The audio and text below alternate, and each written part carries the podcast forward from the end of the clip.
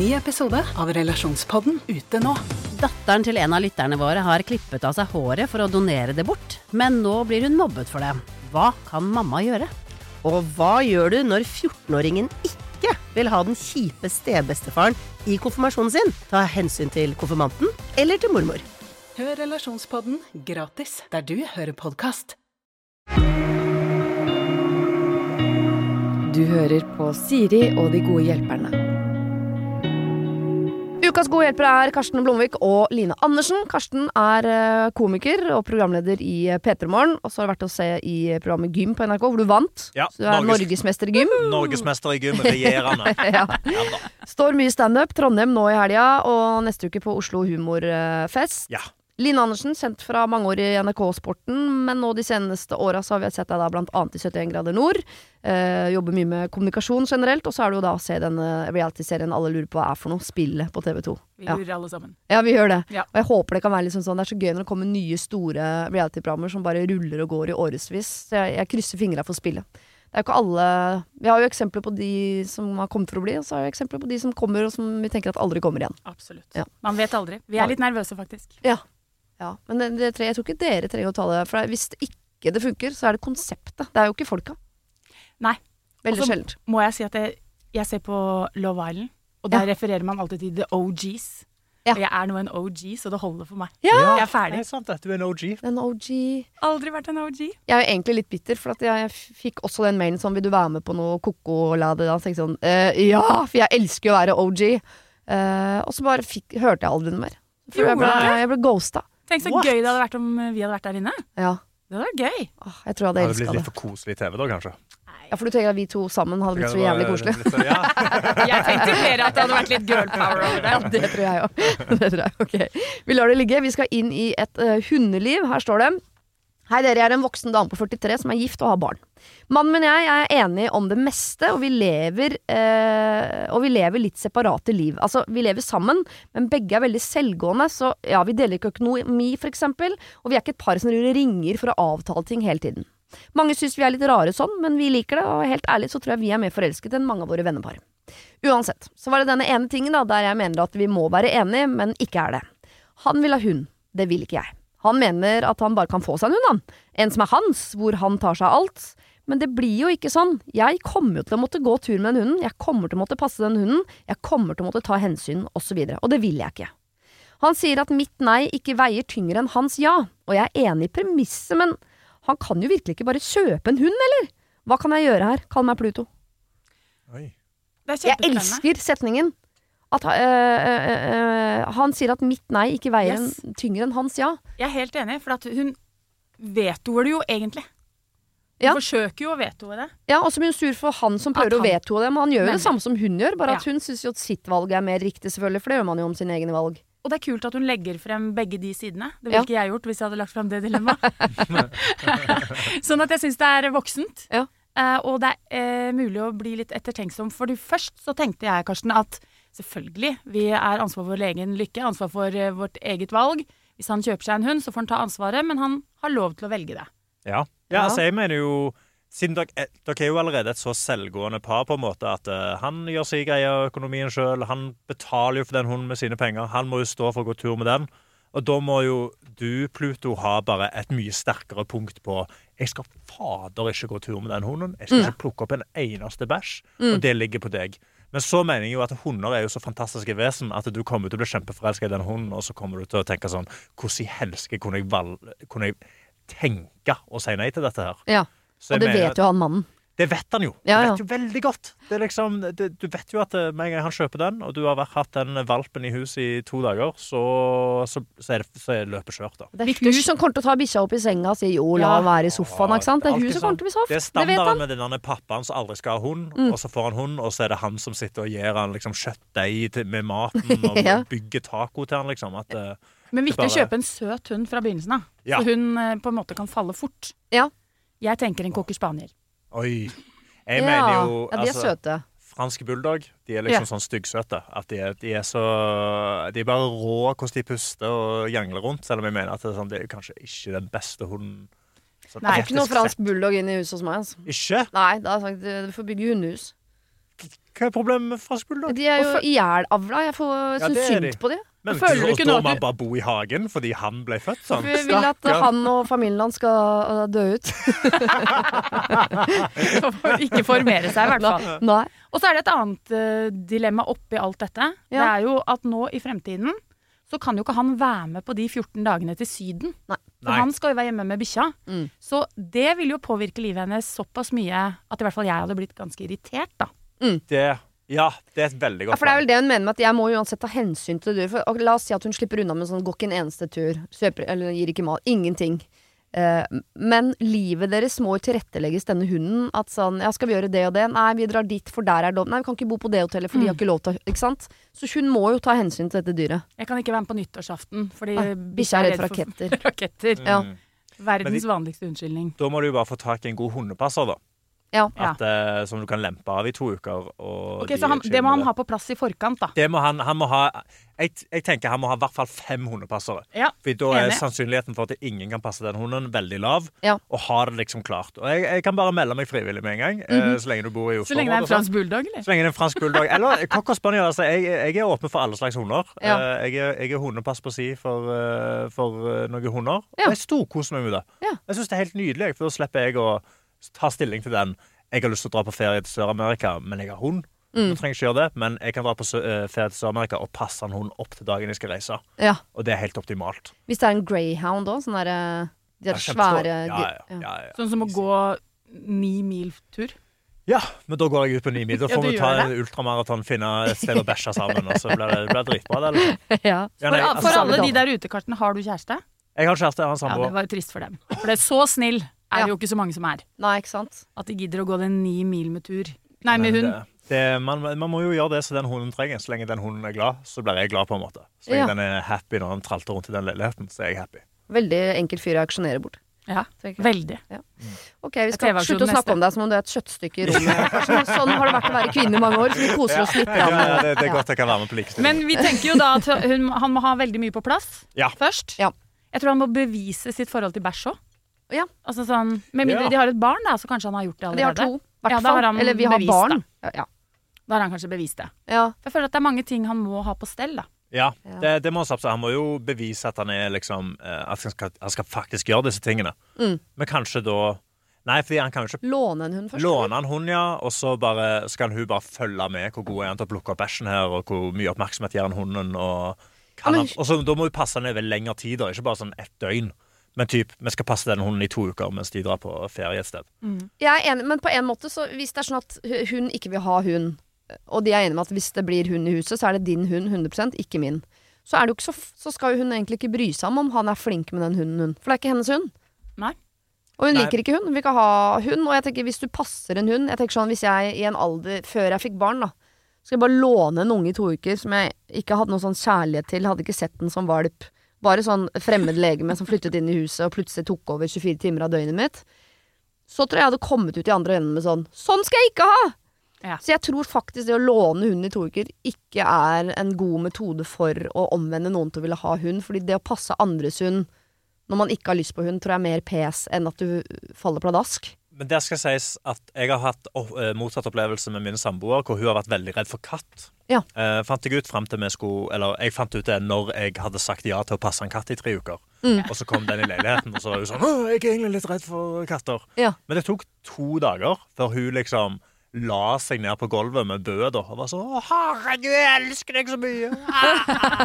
og når han skulle dra, altså, to dager før, så lå hun på sofaen og grein og 'Nå skal vi gå'. Sånn, så det er jo en sånn Man blir jo glad i de dyra, da. Ja. Så det, det, det starter jo en prosess av at man innser sånn 'Å, fader, men det er jo hyggelig Ja, selskap', det da. er det. Det er så hyggelig selskap. Faren her er jo øh, Jeg vet i hvert fall at du, Karsten, og jeg, jeg vet ikke om deg, Line, er såpass glad i hund at vi er jo på hans lag i utgangspunktet og sier herregud, få deg hund, da. Jeg har hatt hund øh, lenge, men jeg er også så glad i livet at jeg helst vil være fri til å gjøre akkurat hva jeg vil. Ja, Så du er også mer en sånn er passe eller låne Jeg er mellom dere, ass. Ja. Ja.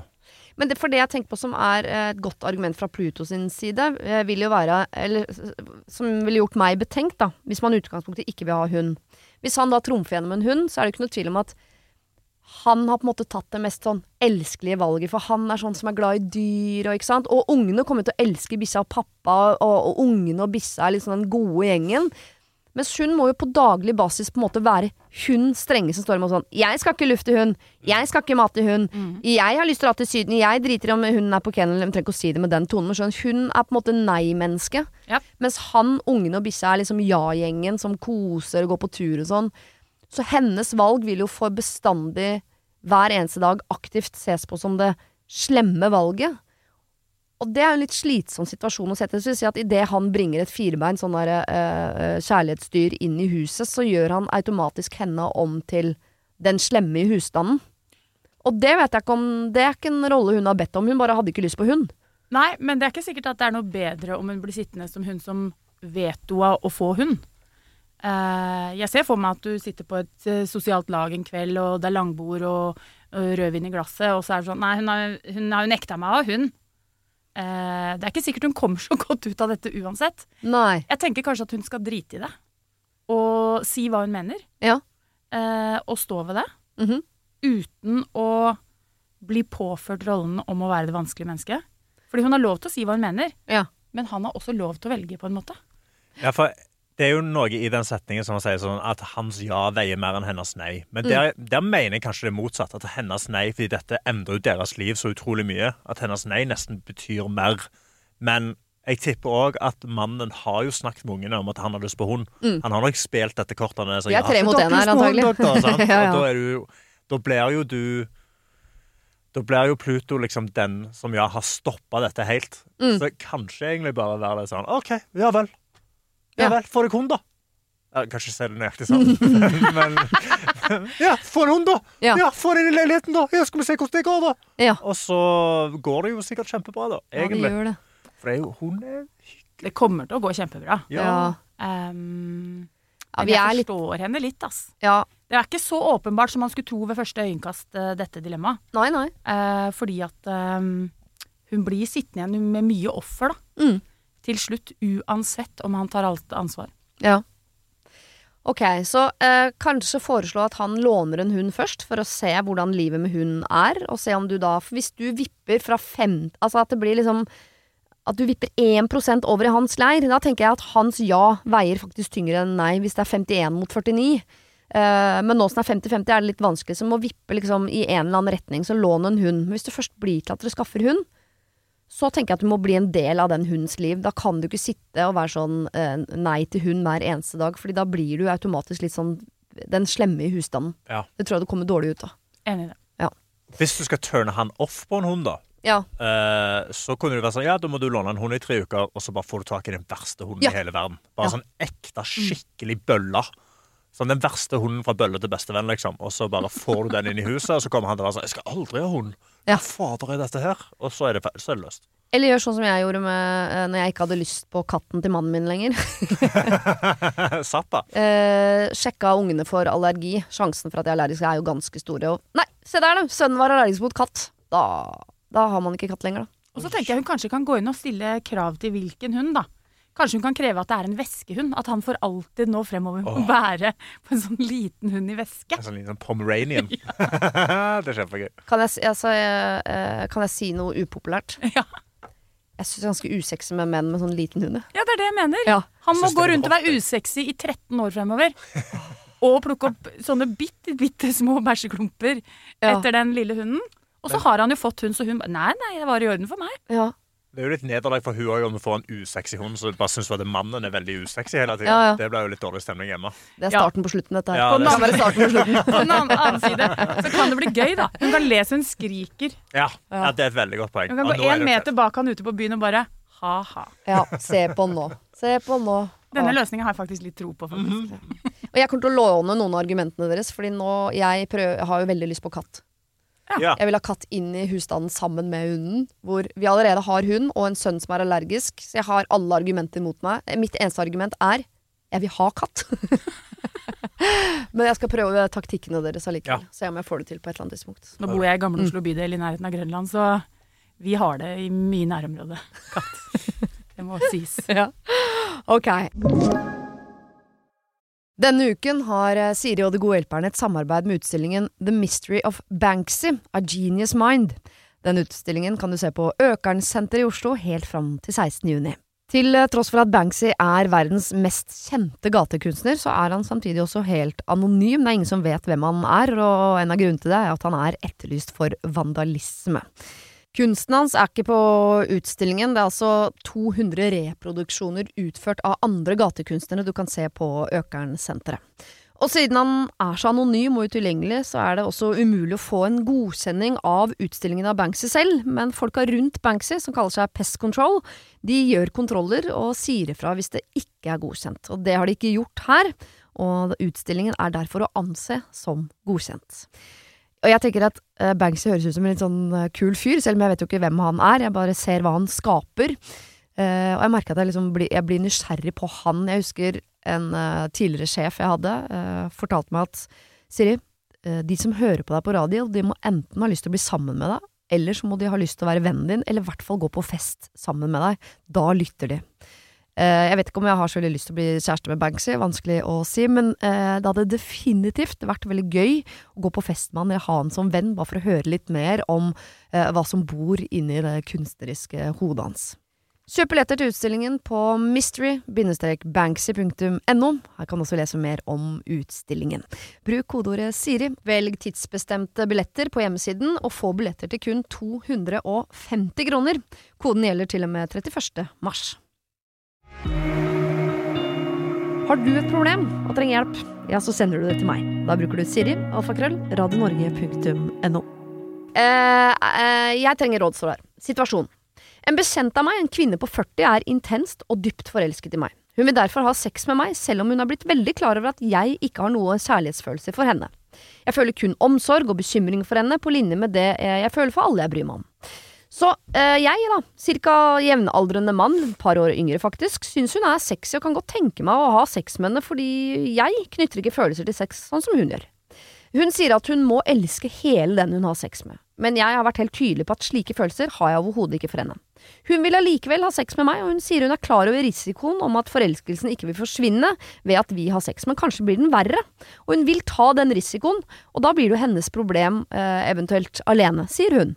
Så spørsmålet er, skal jeg høre på henne, ha sex med henne, selv om hun har disse følelsene for meg? Vi er begge voksne, så hun kan vel ta ansvar for egne følelser, og jeg kan jo gi, eh, eh, kan jo gi etter og ligge med henne når hun trygler så sterkt, eh, og jeg eh, lett kan ha sex uten følelser, sånn sett. Jeg tror jo hun ber om dette i håp om at jeg skal begynne å føle gjensidighet etterpå, men det skjer nok neppe. Jeg, når jeg har ikke disse følelsene. Hva er lurt å gjøre her? Begge er gift, jeg bare nevner det, men det er ikke fokuset her. Takk på forhånd for reflekterte tanker og råd. Hilsen mann 37,5. jeg følte dette var to Innskudd bisetning på slutten her. Så, så hele greia er skal vi være utro? Ja. Men det, vi skal ikke ta det moralske Nei, eh, okay, Vi kan ja. godt ta en runde på det på slutten. Ja. Eh, men per nå er det en som er forelsket, en som ikke er forelsket. Skal de ligge sammen? Ja. Ja, nei, altså sånn eh, det, Som du sier, det er jo to voksne mennesker, på en måte. Ja. Så hun må jo ta ansvar for sine egne følelser. Mm. Eh, og stå i at hun Men der igjen så er jo hun i en kjærlighetståke. Så hun, er jo bare, hun har jo bare lyst til å ligge fordi da håper, kanskje hun har et håp om at det da vekker det følelser hos sånn. Garantert. Eh, og det kommer jo ikke til å skje. Det, det har han uh, lagt. Så det kommer jo til å komplisere forholdet mye mer, og eventuelt òg med tanke på denne her gift. Ja.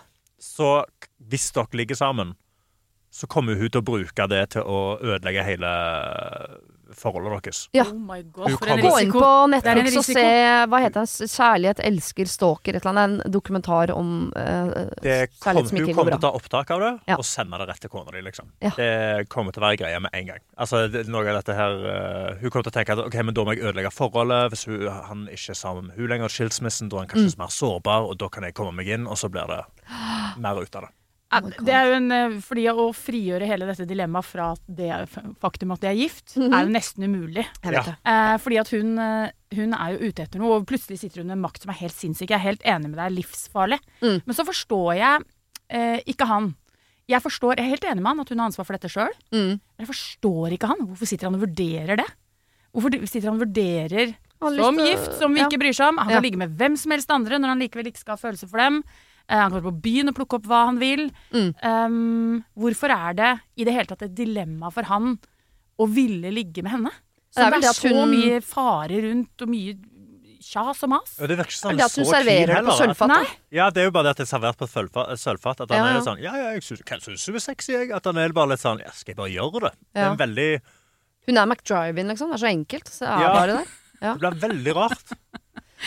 Ja, fordi jeg, hvis jeg, jeg skal prøve å løsrive meg fra det giftgreiene, selv om det kompliserer ting, selvfølgelig. Eh, For det er, liksom, det er to moralske ting her, da. Hun er forelsket i han. Han er ikke forelsket i henne. Eh, Hun kommer til å bli mer forelsket ved å ligge med han. For nå tror jeg de aller fleste eh, er utstyrt. At man blir mer forelsket med en gang man har ligget. Um, og det er dårlig gjort, for han, dette, han kan la være, på en måte. Hun klarer ikke å la være. Hun er forelsket. Hun gjør hva som helst for at han skal bli forelsket i henne. Eh, og da mener jeg når han har makten til å uh, ikke såre henne ytterligere, så syns jeg han skal ta det riktige valget som er å ikke ligge med henne. Selv om hun tror hun vil det, så er grunnen til at hun vil det, det er feil grunnlag. I tillegg er han gift, så er det ikke sånn at han går rundt og er en frustrert fyr som uh, ikke har ligget mange år, og han har også noe han, han har kona si, Ja. som han kan ligge med. Og hvis han driter fullstendig i det moralske aspektet i forhold til at han er gift og har en kone, ja vel, så er jeg enig med deg, Linda. Gå ut og finn en eller annen dame du kan ligge med, da. Ikke ligg med hun som allerede er lei seg for hun er forelsket i deg, og det er ikke du. Som du har bestemt deg for at du ikke har følelser for. Altså, Ja. Jeg syns det høres veldig rart ut. Um, og nådeløst ut. Ja. Så det er enig med deg, det er to sider av dette. Jeg er helt enig i at man kan ta hensyn til henne. Jeg mener fortsatt at hun bærer ansvaret. Det er hennes, hun er voksen, hun har ansvar for sin egen lykke og sine egne behov. Ehm, og jeg syns argumentasjonen hennes egentlig generelt sett er dårlig, hvis, det er, Mm. hvis vi skal stole på ham på det.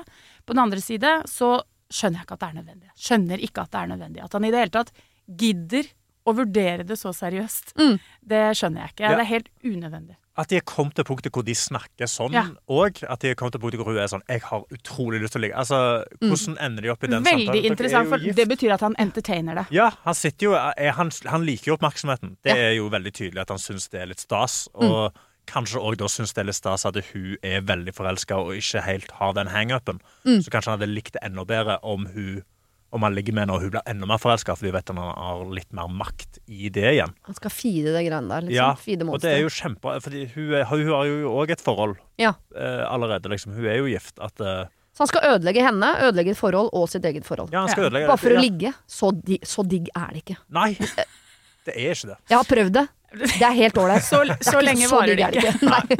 Det er så enkelt. Kjøp deg en platesjokolade. Det ordner seg. Ja, virkelig. Men også så ehm, eh, Hun er forelsket i han. Jeg bare prøver å tenke sånn uh, de gangene jeg har vært forelska i en fyr, og selv om han da sier sånn Jeg er ikke forelska i deg, og så stryker han deg på armen, og så sier han en gang til Jeg er ikke forelska i deg. Mm. Hva tar jeg med meg ut av situasjonen? Han strøyk meg på armen. Han må jo føle noe. Mm. Det derre 'jeg er ikke forelska i deg'-greiene, det har jeg, jeg hørte den, det har jeg ikke registrert.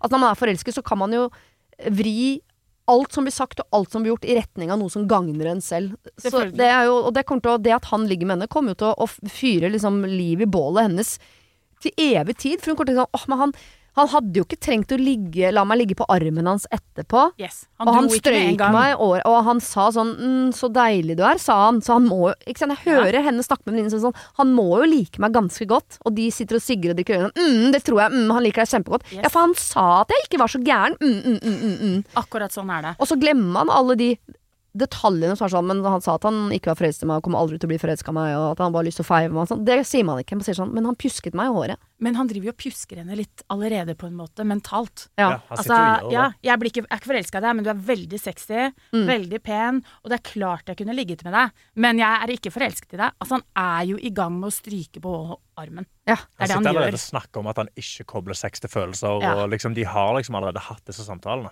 Og de er sikkert på melding, vet du. Hun får sikkert disse meldingene på kvelden. Sånn, tenker fortsatt på det, selv om jeg ikke er forelsket i deg, så lurer jeg på hvordan det ville vært Mm. på Mana. Det, jeg er ute på det markedet der. Det, det er sånn de er. Det er sånn de Noen av dem. opererer. Det er noen av dem. Men jeg tror ingenting av det vi sier nå Mann 37,5, han hører ikke dette. Det han kommer til å høre, er det du sa først, Karsten, som handler om sånn Hun kommer til å ha noe på deg. Hun kommer til å filme det. Eh, kommer til å, å, å bruke det mot deg. Ja, ja, det kommer til å bli brukt. Ja, ja, ja. Så sykt òg. Altså, hvis de ikke kommer igjennom til meldingsinnboksen til kona di, så kommer de til å begynne å poste det på veggen hennes. Liksom. Altså, Det er null skam i det. Ja. Nei, hold deg. Eh, korte svaret på Ja. dette spørsmålet er hold deg unna. Ja, det syns jeg faktisk er helt åpenbart svar. Skjøtt det ned med en gang. Og slutt å snakke om det. Ja, slutt å Slutt å reke om det. stryke henne på armen. eh, hold- slutt opp. Og Hold opp. hvis jeg allerede har de meldingene Hun har allerede de meldingene, på en måte. Hun kan Ja. jo screenshotte det og sende. Det er allerede nok til at eh, jeg hadde fått helt fnatt. Ja. Gå eh, hjem og pj- pjusk kona di på armen. Nå er du verdens niceste kjæreste, det har vi kommet frem til, så Jo, men, Ja. jo, men herregud. Han skal ja, er auksjoneres bort etterpå. han, han, Det er TV-aksjonen neste. At bare fordi jeg ikke skal være utro, så er jeg OK fyr. Jesus Christ, med det- er lavmål. Vi tar det, Sjelden vare. Hæ? tar det tilbake. Ok, vi skal over til en som ikke er invitert på eh, hyttetur. Eh, hei, jeg er i et relativt ferskt forhold. Vi har vært sammen offisielt i fire måneder. Vi har surra i sju måneder. Eh, om det er i tillegg til fire, det er jeg litt usikker på, men samme det. Og vi har kjent hverandre i ett og et halvt. Eh, jeg har truffet både familien hans og de fleste vennene. Nå har vi vinterferie. Vi jobber i skolen begge to. Og han har reist på hyttetur med en kompisgjeng. Det er helt greit. Jeg koser meg hjemme og gjør klar leiligheten til at han skal flytte inn hit. Så var jeg på Instagram her i går kveld, hvor flere av kompisene hans har lagt ut bilder fra denne turen, og jammen har ikke en av de andre med seg kjæresten sin. Hæ? Jeg sov ikke så veldig mye øh, denne natta, men jeg vil jo nødig spørre han før jeg har roet meg ned, for det er jo litt rødt flagg dette her, eller? Ja, Det er det. Ja, dere jeg fikk rødt flagg på dette. Det er uten tvil et rødt flagg. Det har faktisk eh, skjedd med meg. Ja. Eh, jeg, eller det vil si min eh, tidligere samboer var på et julebord som ikke skulle egentlig være med damene på. Da. Men så var det plutselig damer der, og det så jeg på bildet etterpå. Eh, jeg gikk jo åpenbart ikke. Ehm, og grunnen til det er at man tenkte sånn For jeg forstår jo egentlig at han har lyst til å være med sammen med gutta på julebord. Ja. Det er ikke noe vanskelig å forstå. Eh, det bare funker ikke når ikke alle har den samme tankegangen. Så um, jeg uh, mener det er et rødt flagg. Mm. Så mener jeg at uh, det er helt riktig at du må vente på samtalen. Ja. Hvis han er en så fair and square fyr at han sier vet du hva, uh, han tok med, det visste jeg ikke, men jeg hadde lyst på en kveld med gutta, eller en hyttetur med gutta. Ja. Og jeg beklager at det ble feil. Ja, for hvis han Bare jeg må spole tilbake til han eh, eksen din, da, åpenbart. Hvis han hadde sagt sånn eh, Det er julebord med gutta i utgangspunktet, så er det noen av gutta som skal ha med seg dame. Dessverre, i min bok. Jeg hadde mest lyst til at vi bare skal være gutta. Eh, hva tenker du For jeg bare tenker sånn Det jeg hadde reagert mest på, er du, hvis du vet at det er andre damer der, kunne du ikke Du vet at det er noe jeg antageligvis vil komme til å reagere på. Kan du ikke være ærlig på sånn 'Jeg har lyst på en kveld med bare gutta'? Tro meg, det skjønner jeg. Uh, er det greit for deg? Det kommer til å være andre damer der. De kommer ikke jeg til å henge med. Det er nettopp derfor det finnes bare én måte egentlig å være i forhold. Det er å være 100% transparent. Ja. Det, det er egentlig den eneste måten å løse det på. Ja. Uh, og når man ikke er det, og det sitter en venninne på hytteturen, det er jo da trøbbelet begynner. Ja, jeg, eh, jeg mener eh, altså, Første reaksjonen min var rødt flagg. Men jeg lener meg over mer på oransje, fordi jeg har, jeg har jo guttegjeng, liksom. Jeg har jo uh, gutta-kruttgjeng, og jeg kunne sett for meg at vi har dratt på hyttetur. Mm. Og da har en av guttene i gjengen, så har dama hans sagt 'jeg skal være med deg'. Ja. Jeg har ingen å være med, jeg skal være med deg. Og da har han bare ikke avklart det med noen. Mm. Fordi gutter er ikke gode til å kommunisere. De hadde ikke, han hadde ikke skrevet 'er det greit for meg om jeg tar med dama mi på Da har han bare sånn 'hun er med, hun'. Ja. Så får hun bo på rommet med meg, jeg vet at hun får plass, og så har han bare tatt henne med opp, og da kan jo ikke de si 'nei, hun må dra hjem'. Mm -hmm. Så da må de bare stå i det, at da er hun der. Og så Ja. blir det en litt dårligere guttetur. Men ville du da, øh, øh, i og med at vi har kronet deg til øh, årets kjæreste, ville du da tatt en telefon til dama og sagt sånn Det viser seg at Frida er med. Jeg hadde nok sendt en melding og vært sånn Hva fader? Ja. Eh, Jonas tok med seg dama si.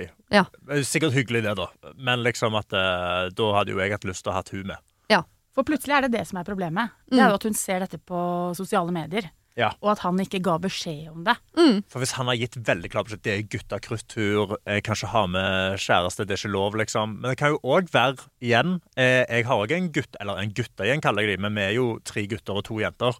Mm. Eh, og vi er jo en gjeng som drar og har det hyggelig sammen, liksom. Og det er ikke noe romantisk der. Så ja, kan kanskje hun er bare- en av gutta, rett og slett? Hun er en av gutta. At man kan jo være en del av gutta selv om man er jente. Enda et argument for at eh, hun skal vente til å prate med han. Ja, Ikke start noe sånn helsikes greier, Fordi da begynner de å snakke om de fulla seint på kvelden på hytta der, og så blir det noe greier. Så bare Ja. la det ligge. Ja, for hvis du uh, legger fram dette nå veldig sint, så kommer han til å høre, nesten uansett hva du sier og kommer med argumenter, kommer han til å tenke sånn Å ja, du er sånn som ikke unner meg å dra på guttetur. Mm. Ok, dette blir et problem.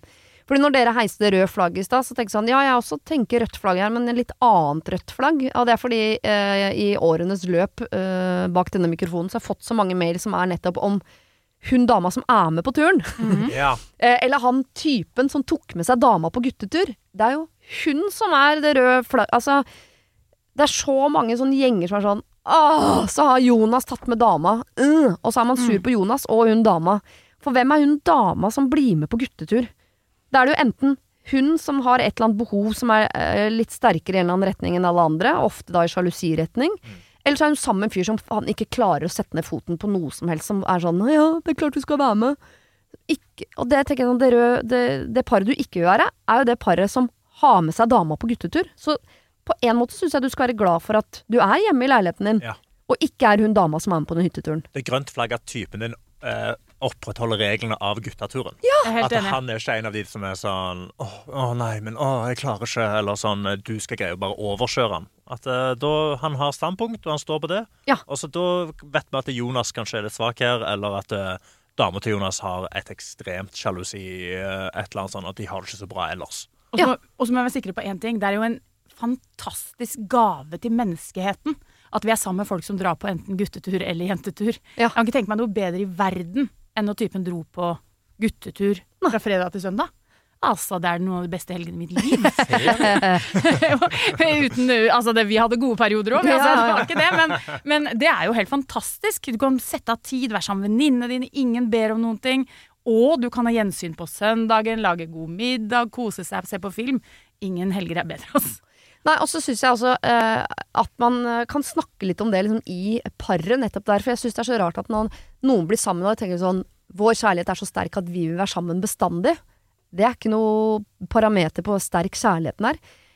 Man må være helt ærlig på at noen ting er gøyere uten kjæresten. Ikke fordi man skal flørte, sånn, bare fordi noen ganger har jeg lyst til å være sammen med mine venninner uten å måtte ta hensyn til at jeg må inkludere og ikke sant. Og, jeg, eh, eh, og det syns jeg man skal anerkjenne at han har sine ting som ikke jeg trenger å være med på. Nydelig. Jeg har mine ting som ikke han trenger å være med på. Og så har vi noen ting som er felles. Ofte et veldig sunt tegn. Ja.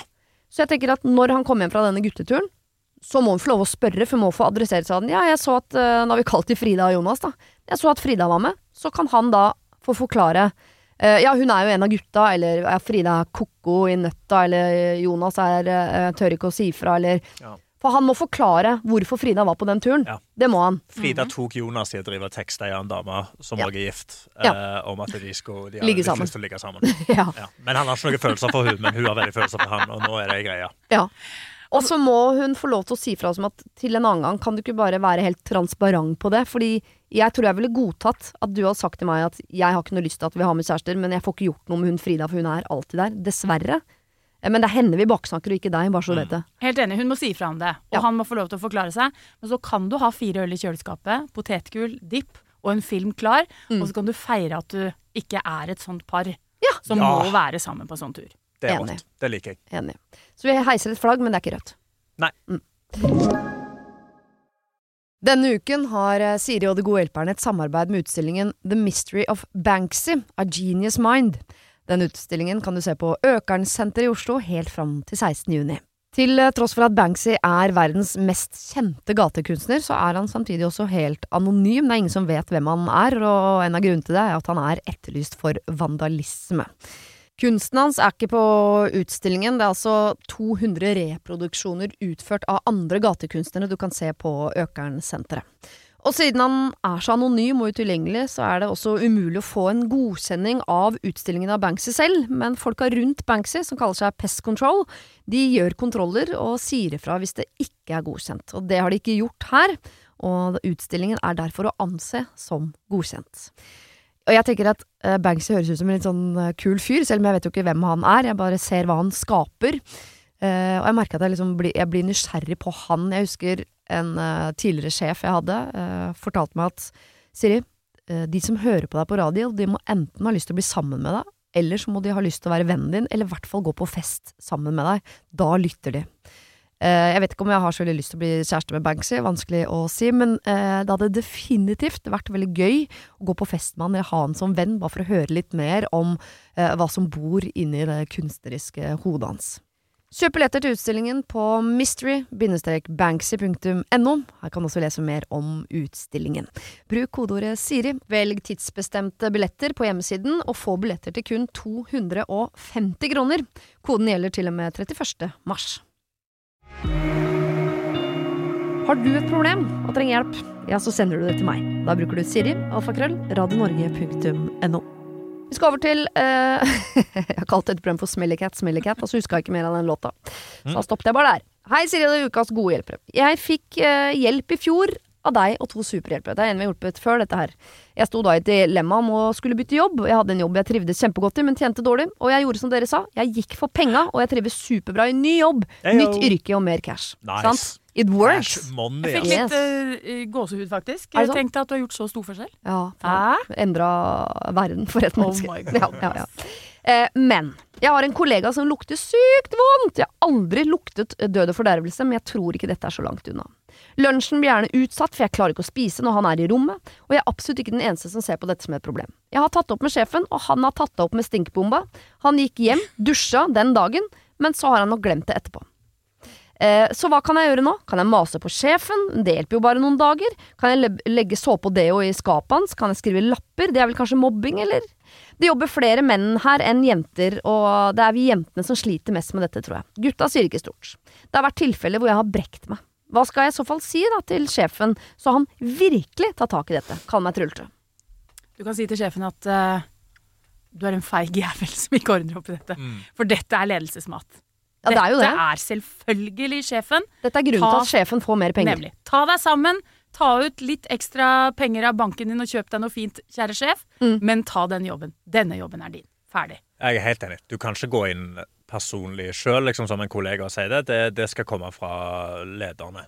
Ja. Og de skal være sånn Du, det har vært snakk på kontoret. Det, det, det var veldig bra du dusja den ene gangen, men skal Ja. vi prøve å gjøre det mer sånn hver dag? At han liksom Ja. han må, det var, det var fint å dusje den dagen. Det var vel, Å, fy fader, så god stemning det var dagen etterpå. Ja. La du merke det? Folk snakker til deg, og de står nærme deg, og det er kjempegod stemning. Ja. Men kanskje han Det kan jo være at denne ansatte egentlig ikke liker at folk er i nærheten. At At han dette er en forsvarsmekanisme. ja. At han bare, Men det virker sånn Ja, han er jo med på lunsjen og alt det, så det Jeg går, jeg går tilbake på det igjen. Ja, ja, det er helt Men det eh, er jo ren Ja, det er som du sier, ren ledermat. Dette skal, dette skal ledelsen ta seg av. mm. Og så må du bare ha en helt ærlig samtale med sjefen. Og Ja. være sånn Du, nå får jeg ikke lyst til å gå på jobb lenger. Altså, det, er røft for meg å gå på jobb. Jeg brekker meg, jeg er kvalm, jeg er mye mindre produktiv. Da tjener du mindre grunker Mhm. eh, hvis jeg er, ikke er på jobb. Sant? Og eh, kanskje jeg må sykemelde meg, da. Det kommer du til å miste masse penger. Ja. Så da må han liksom Da må han ta, ta fatt i det. Jeg er strukturelt, det er ikke et ord jeg bruker så mye, skjønner dere, eh, enig med dere. At dette er liksom grunnen til Det verste jeg veit. Altså, folk flest er ganske konfliktsky. At du som konfliktsky går inn sånn Jeg lurer på om jeg tar den ledige jobben. Mm. Du, du har ikke noe der å gjøre! Altså, du, du, du kan ikke være ledig hvis du er konfliktsky. Det er ikke, en, det, er ikke lov. Eh, så jeg er enig i at det er lederen som dessverre må ta dette. Det er derfor han får mer penger enn deg. Samtidig, jeg som eh, individ er mye mer glad i at ting kommer bare direkte fra kilden. Hvis jeg skulle hatt en beskjed for, på jobben om at jeg lukta vondt, så ville jeg heller hatt den fra kollegaen som hadde luktet det, enn at kollegaen hadde gått via sjefen, og at det ble gjort om til en sånn stor greie. Så jeg hadde likt bedre den rake pucken rett fra, liksom, fra den det gjelder. Uh, så jeg tenker at Trulte, selv om ja, hun kan kreve at sjefen tar tak i det, så kan det hende at hvis hun uh, tør, at det er mer uh, effektfullt om det kommer direkte fra henne. Fordi bare, jeg bare merker med en gang når du gikk inn i rollen nå som sjef, eh, Karsten, så snakker du på en måte som hvis jeg hadde fått en sånn beskjed fra en leder, eh, som prøver å pakke det inn i noe litt sånn hyggelig, men som egentlig er en kjip beskjed. Åh, jeg hadde fått så piggene ute. 100 pigger ute. Ja, det, Ja, jeg, det har du et jeg veldig godt poeng. opplever at du syns det var litt ålreit å dusje, Siri, men kanskje du skal gjøre det litt oftere? Det er ikke sånn, jeg må drepe deg på en parkeringsplass Ja. etter jobben i dag.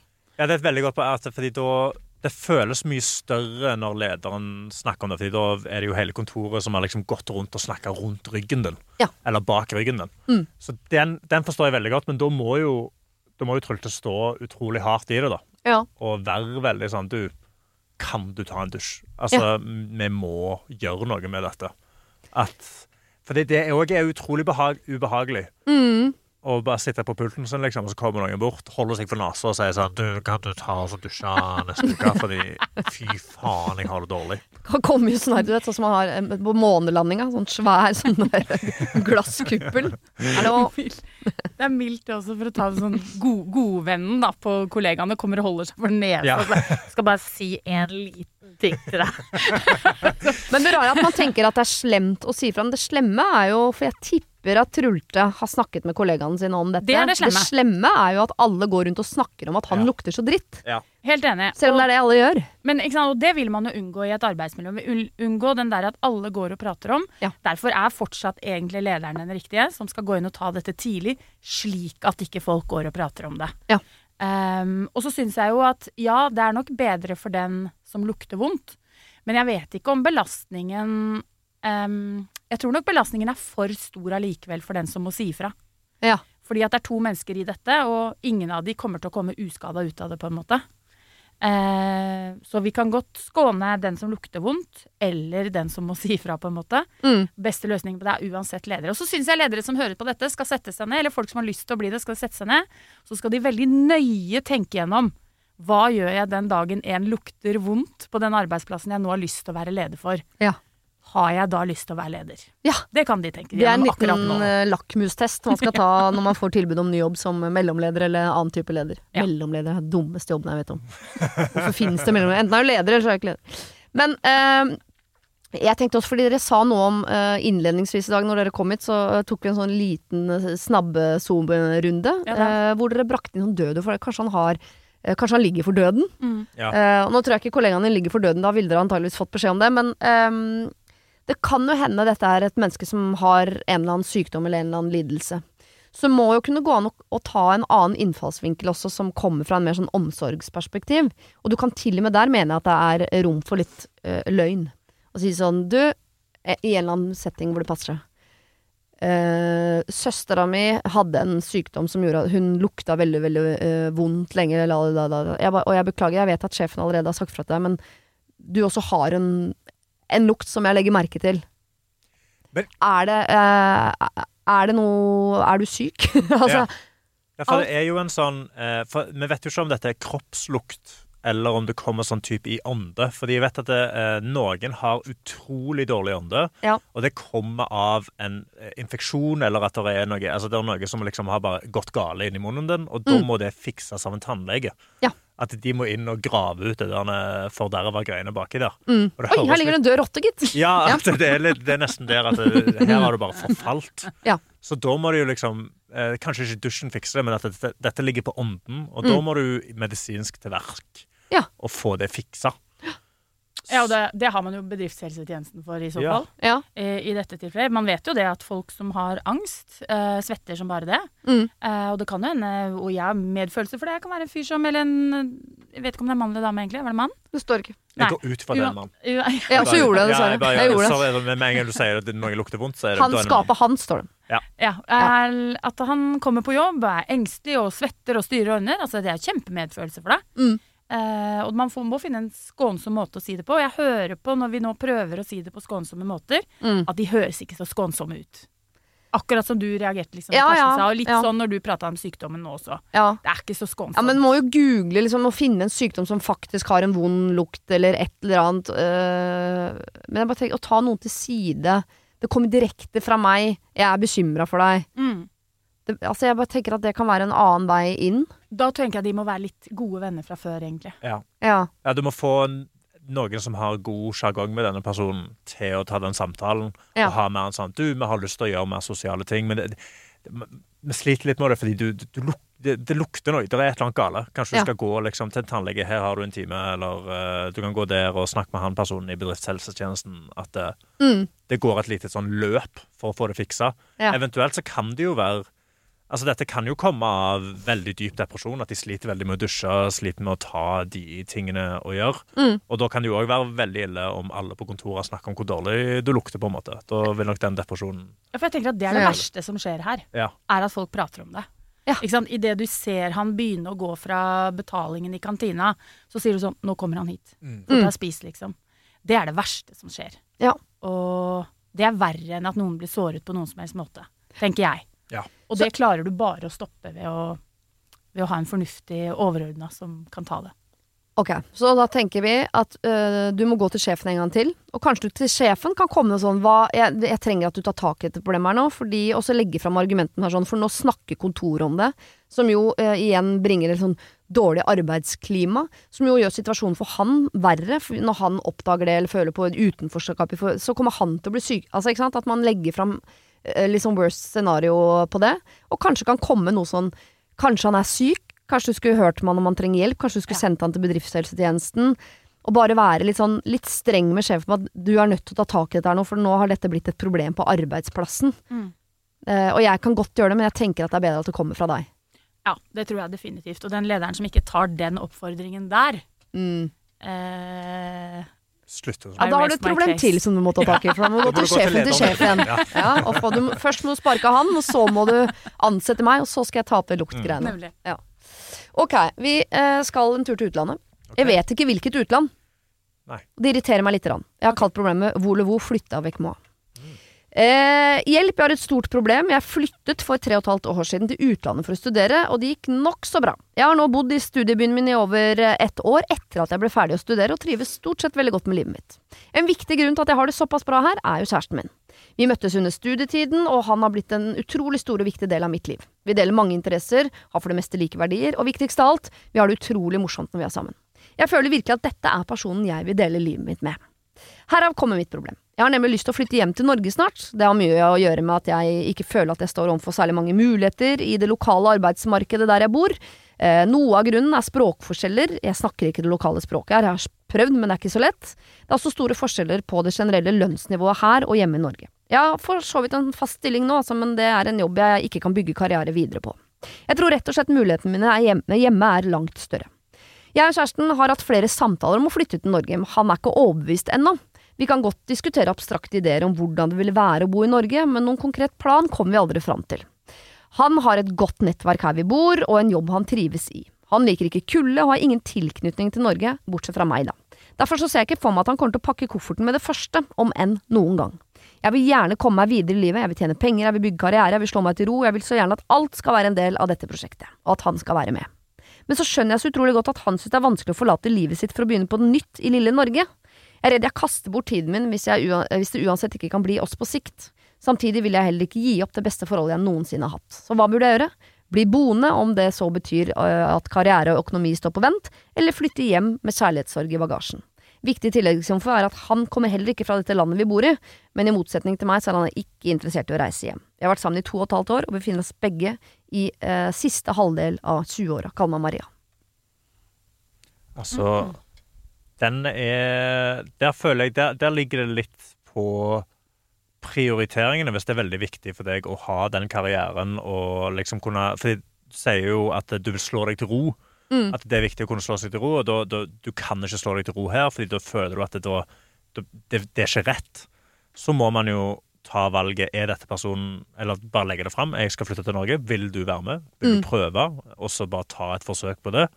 Eh, og hvis den personen ikke greier seg, så bare drar de tilbake til, eh, til dette udefinerte landet. Jeg, prøvde, jeg brukte mye av spørsmålet på å tenke på hva land dette være. Hvor, tro, hvor følte du at Jeg det endte? Jeg følte Frankrike, kanskje. Ja, for jeg var Nei, først i København, men så kunne hun ikke språket. Så var jeg Nei. nede i Budapest og Praha. Ja, var innom Ja. Budapest. Mm. Ja, Budapest er jo veldig Jeg bare syns fransk er utrolig vanskelig.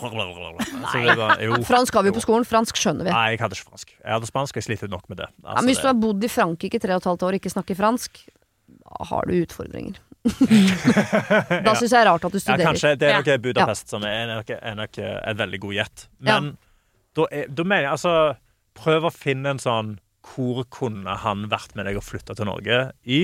Og legge fra, altså Norge er jo, Jeg er veldig glad i Norge. Jeg syns Norge er helt eh, prima. Jeg har ikke lyst til å bo i et annet land, jeg. Nei. Men da kunne jeg legge det fram til den personen.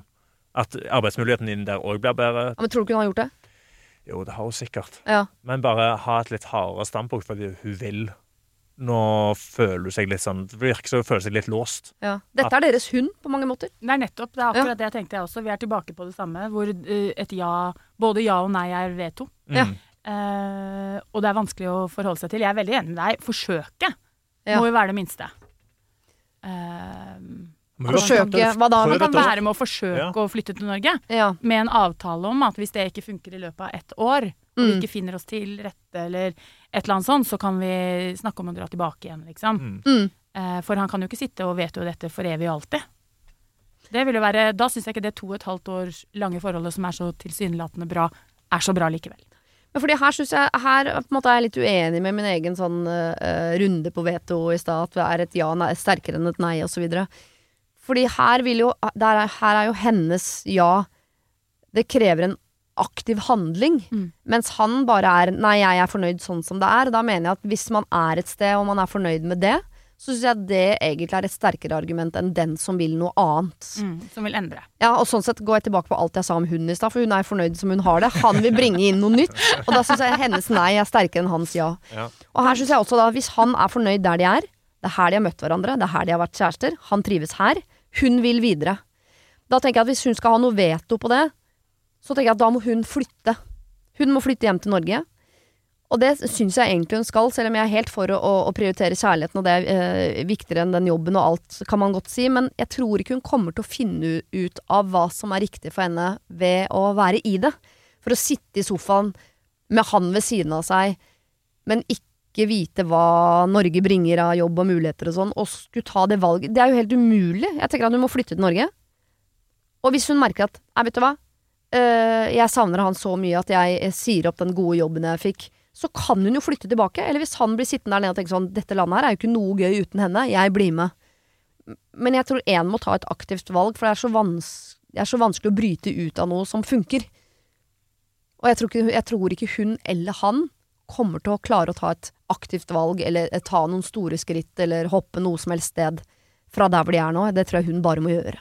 Og så er det jo sånn nå at det er såpass moderne at det å bo hver for seg, altså ha et avstandsforhold etter to og et halvt år sammen, det er jo masse mennesker som gjennomfører, og masse mennesker som er gode forbilder som gjennomfører sånne ting. Ja. Jens Stoltenberg og hans kone Ingrid, var vel han, mens han var statsminister, så bodde vel hun i eh, enten Budapest eller Praha, vil jeg anta. Oh, ja. eh, på ambassade, Jobba på ambassaden der.